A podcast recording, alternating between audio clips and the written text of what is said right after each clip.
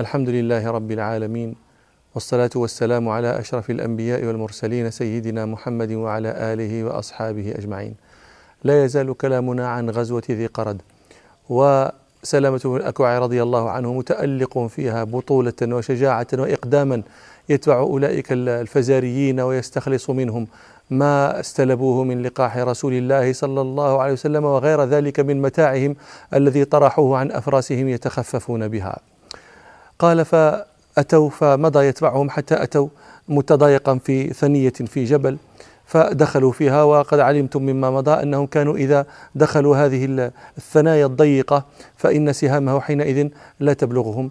فلما دخلوا في هذا هذه الثنية الضيقة صعد هو فوق قرن وقد قلت لكم إن القرن هو جبل صغير منقطع عن جبل كبير.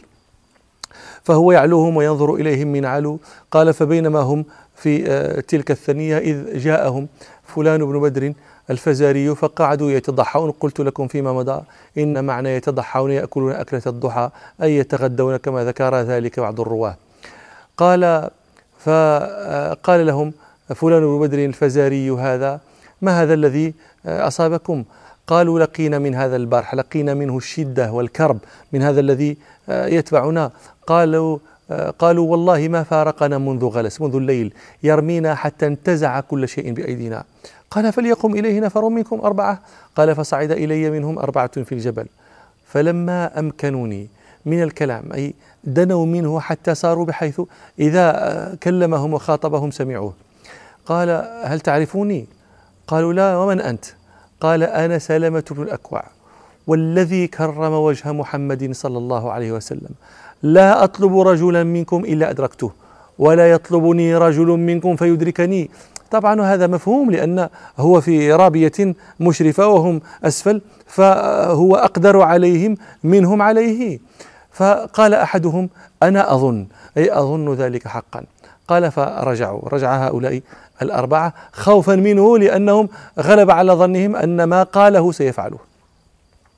قال فما برحت مكاني حتى رأيت فوارس رسول الله صلى الله عليه وسلم يتخللون الشجر. فإذا أولهم الأخرم الأسدي وعلى إثره أبو قتادة الأنصاري وعلى إثره المقداد بن الأسود الكندي. طبعا ويتبعهم بعد ذلك رسول الله صلى الله عليه وسلم وغيره من أصحابه الذين سمعوا صياح سلمة يا صباحا لما قال ذكرنا ذلك في الحلقة الماضية. لما قال فأسمعت ما بين لبيتيها. قال فأولهم الأخرم. قال فأخذت بعناي الأخرم. هو الآن الأخرم يركض فرسه يريد أن يتبع أولئك. وسلمة آخذ بعنانه يريد أن يحبسه حتى تتلاحق به خيل رسول الله صلى الله عليه وسلم. يخشى عليه أن ينفرد دون أصحابه فيكون لقمة سائغة للفزاريين.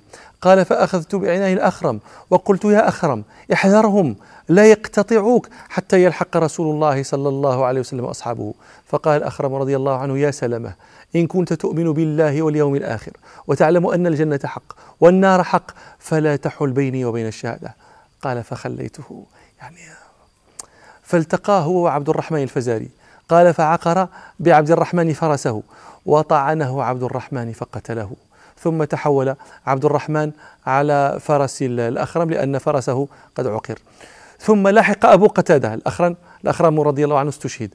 لحق أبو قتادة فارس رسول الله صلى الله عليه وسلم بعبد الرحمن فطعنه فقتله. الآن هذا يجري وسلمة رضي الله عنه يركض لا يزال يركض في إثر أولئك الفارين. قال رضي الله عنه فوالذي كرم وجه محمد صلى الله عليه وسلم. لتبعتهم أعدو على رجلي حتى ما أرى ورائي من أصحاب محمد صلى الله عليه وسلم ولا من غبارهم شيئا. يعني أمعن في شدة جريه وملاحقته للمشركين حتى صار لا يرى منهم أحدا بل صار لا يرى من غبارهم شيئا. هذا قد يشكل على كثير من السامعين. يقول كيف هذا؟ الآن هذه الخيل تركض. الخيل تركض يعني هذا ركض سريع. وكيف يعني يسبقها سلمة حتى تغيب الخيل خلفه عن ناظريه بل حتى يغيب غبار سنابكها عن ناظريه. لابد أن يذكر هذا السامع المستشكل. أننا قلنا إن هؤلاء دخلوا في تضايق هم الآن في ثنايا في طرق جبلية وتارة تضيق وتارة تتسع. وهذا مجال لا يستطيع الفرس فيه أن يجري ملء فروجه ثم هم يتخللون الشجر. فهذا تفسير منطقي ليسبق آه، سلمة رضي الله عنه الذي يركض عدوا على رجليه خيل رسول الله صلى الله عليه وسلم. هذا تفسير. ثم تفسير آخر وهو أنه كان في العرب عداؤون مشهورون. يسبقون. الخيل متى ما عدا أحدهم. لا تدركه الخيل كتأبت شرا. والسليك بن سلكة وأضرابهم. وهذا معروف مشهور. قال سلامة رضي الله عنه فهو الذي كرم وجه محمد صلى الله عليه وسلم. لتبعتهم أعد على رجلي حتى ما أرى ورائي من أصحاب محمد صلى الله عليه وسلم ولا من غبارهم شيئا. ثم عدلوا قبل غروب الشمس. أولئك الفارون عدلوا قبيل غروب الشمس إلى شعب في الجبل فيه ماء يقال له ذو قرد ليشربوا منه وهم عطاش. قال فنظروا إلي أعدوا وراءهم يظنون أنهم قد فاتوا الطلب. فلما نظروا إذا بي سلمة لا يزال يعدو خلفهم. قال فحليتهم عنه أجلاهم عنه رضي الله عنه. فما ذاقوا منه قطرة. ثم خرجوا يشتدون في في ثنية يهربون فيها. قال هو فأعدوا فألحقوا رجلا منهم. فأصكه بسهم في نغض كتفه. نغض الكتف هذا العظم الرقيق على على طرف الكتف. فلما أصابه قال قلت خذها وأنا ابن الأكوع. واليوم يوم الرضع.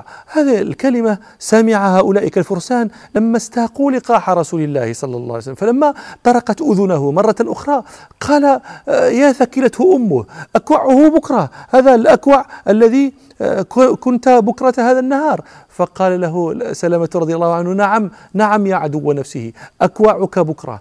قال وأردوا فرسين على ثنيهم يركضون أفراسهم. يعني يركضونها ركض الفارين.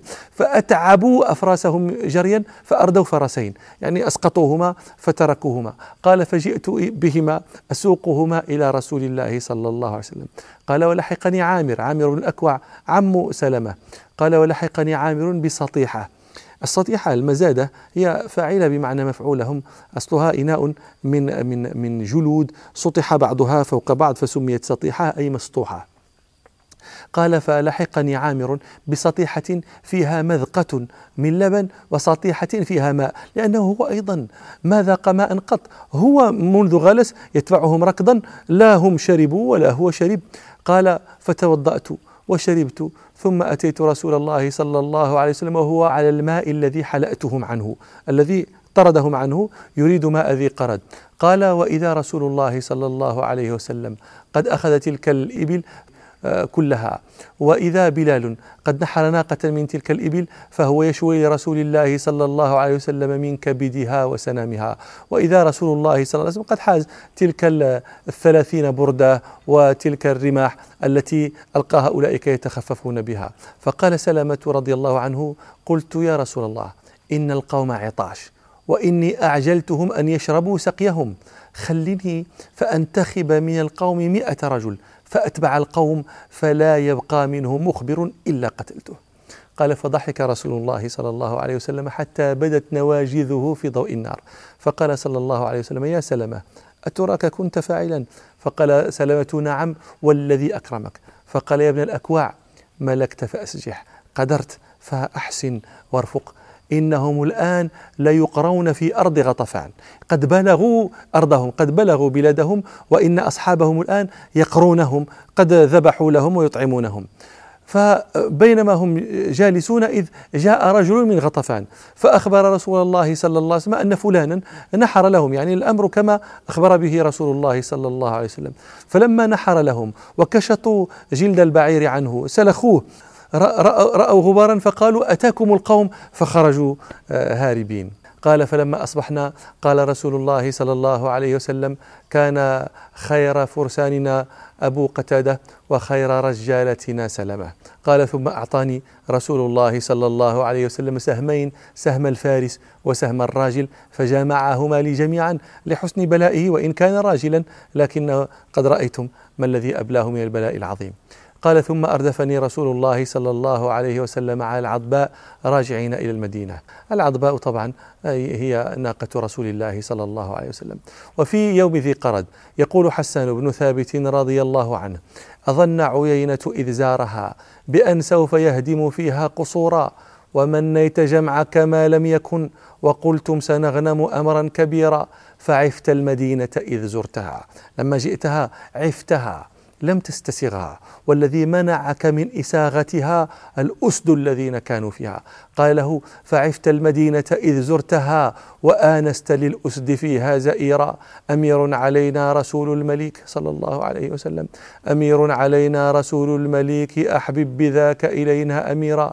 رسول نصدق ما جاءه ويتلو كتابا مضيئا منيرا.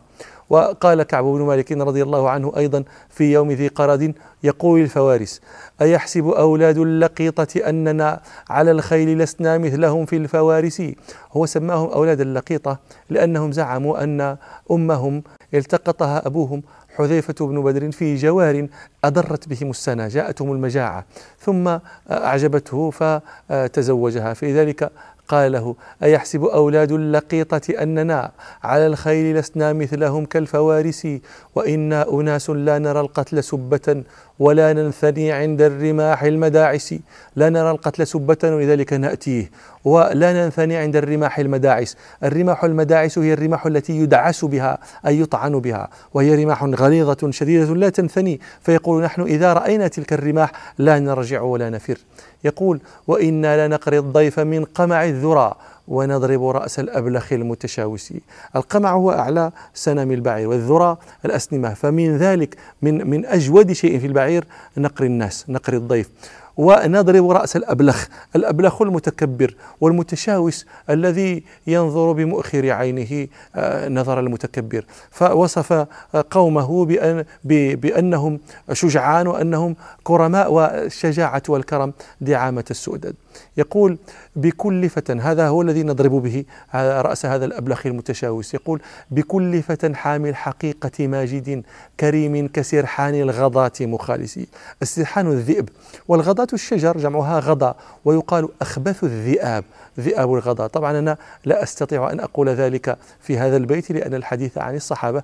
ولذلك أقول إن إن أشد الذئاب ضراوة ومخالسة ذئاب الغضاء يقول رضي الله عنه أيحسب أولاد اللقيطة أننا على الخيل لسنا مثلهم في الفوارس؟ وإنا أناس لا نرى القتل سبة ولا ننثني عند الرماح المداعس. وإنا لنقري الضيف من قمع الذرى ونضرب رأس الأبلخ المتشاوس. بكل فتى حامل حقيقة ماجد كريم كسرحان الغضاة مخالس. يذودون عن أحسابهم وتلادهم ببيض تقد الهام تحت القوانس. إذا ما خرجتم فاسدوا تصدقوا من لقيتم ولا تكتموا أخباركم في المجالس. لبث رسول الله صلى الله عليه وسلم بالمدينة ثلاث ليال بعد غزوة ذي قرد ثم خرج في بقية المحرم من السنة السابعة إلى خيبر. روى مسلم حديث سلمة بن الأكوع رضي الله عنه الذي يتحدث فيه عن غزوة ذي قرد الذي ذكرناه وفيه يقول سلمة فوالله ما لبثنا إلا ثلاث ليال حتى خرجنا إلى خيبر مع رسول الله صلى الله عليه وسلم. وخيبر كانت مدينة كبيرة فيها حصون وقلاع كبيرة ذكر يقوت الحموي رحمه الله في معجم البلدان أنه كان فيها سبعة حصون حولها مزارع ونخل آه، حصن ناعم. وعنده قتل آه، مسعود بن مسلمة رضي الله عنه ألقت اليهود عليه رحى من حجر فسقطت عليه فقتلته. وحصن الشق ويقال الشق وحصن السلالم وحصن الوطيح وحصن النطاه ويقال النطأة وحصن الكتيبة وهذه الحصول ما زال بعضها ماثلا إلى الآن. وكانت خيبر تعد بادية الحجاز لكثرة ما فيها من المزارع والبساتين حتى صار يضرب بها المثل بذلك وأن من يريد تجارة فإنه لا يأتي خيبر بما فيها من التمر. وفي ذلك يقول حسان بن ثابت رضي الله عنه ذاكرا اقتداره على الشعر وأن الشعر بضاعته. يقول رضي الله عنه وإنا ومن يزجي القوافي نحونا كمستبضع تمرا إلى أرض خيبر.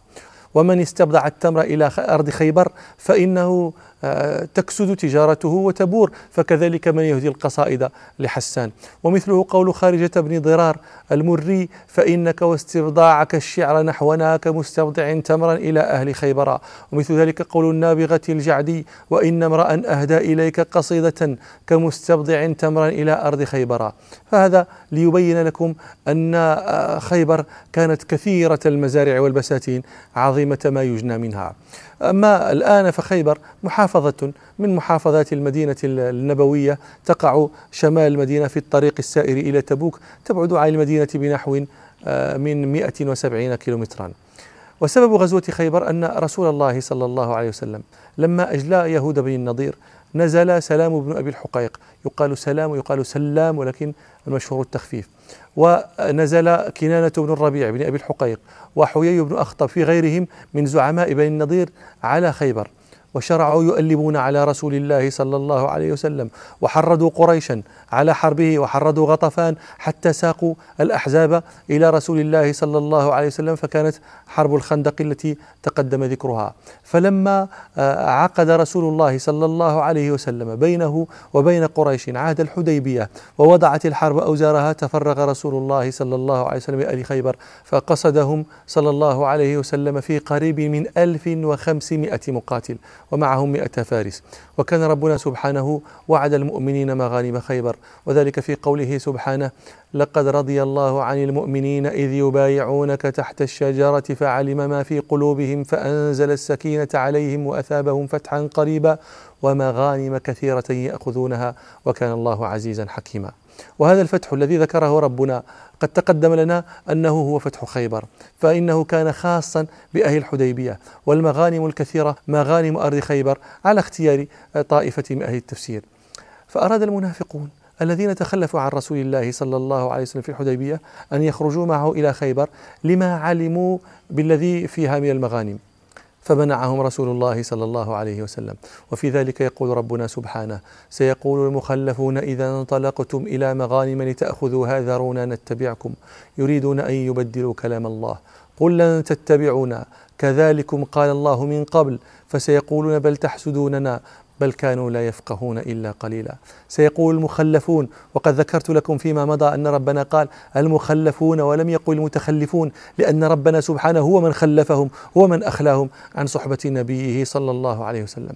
سيقول المخلفون المخلفون عن الحديبية إذا انطلقتم إلى مغانم لتأخذوها إلى مغانم خيبر ذرونا نتبعكم.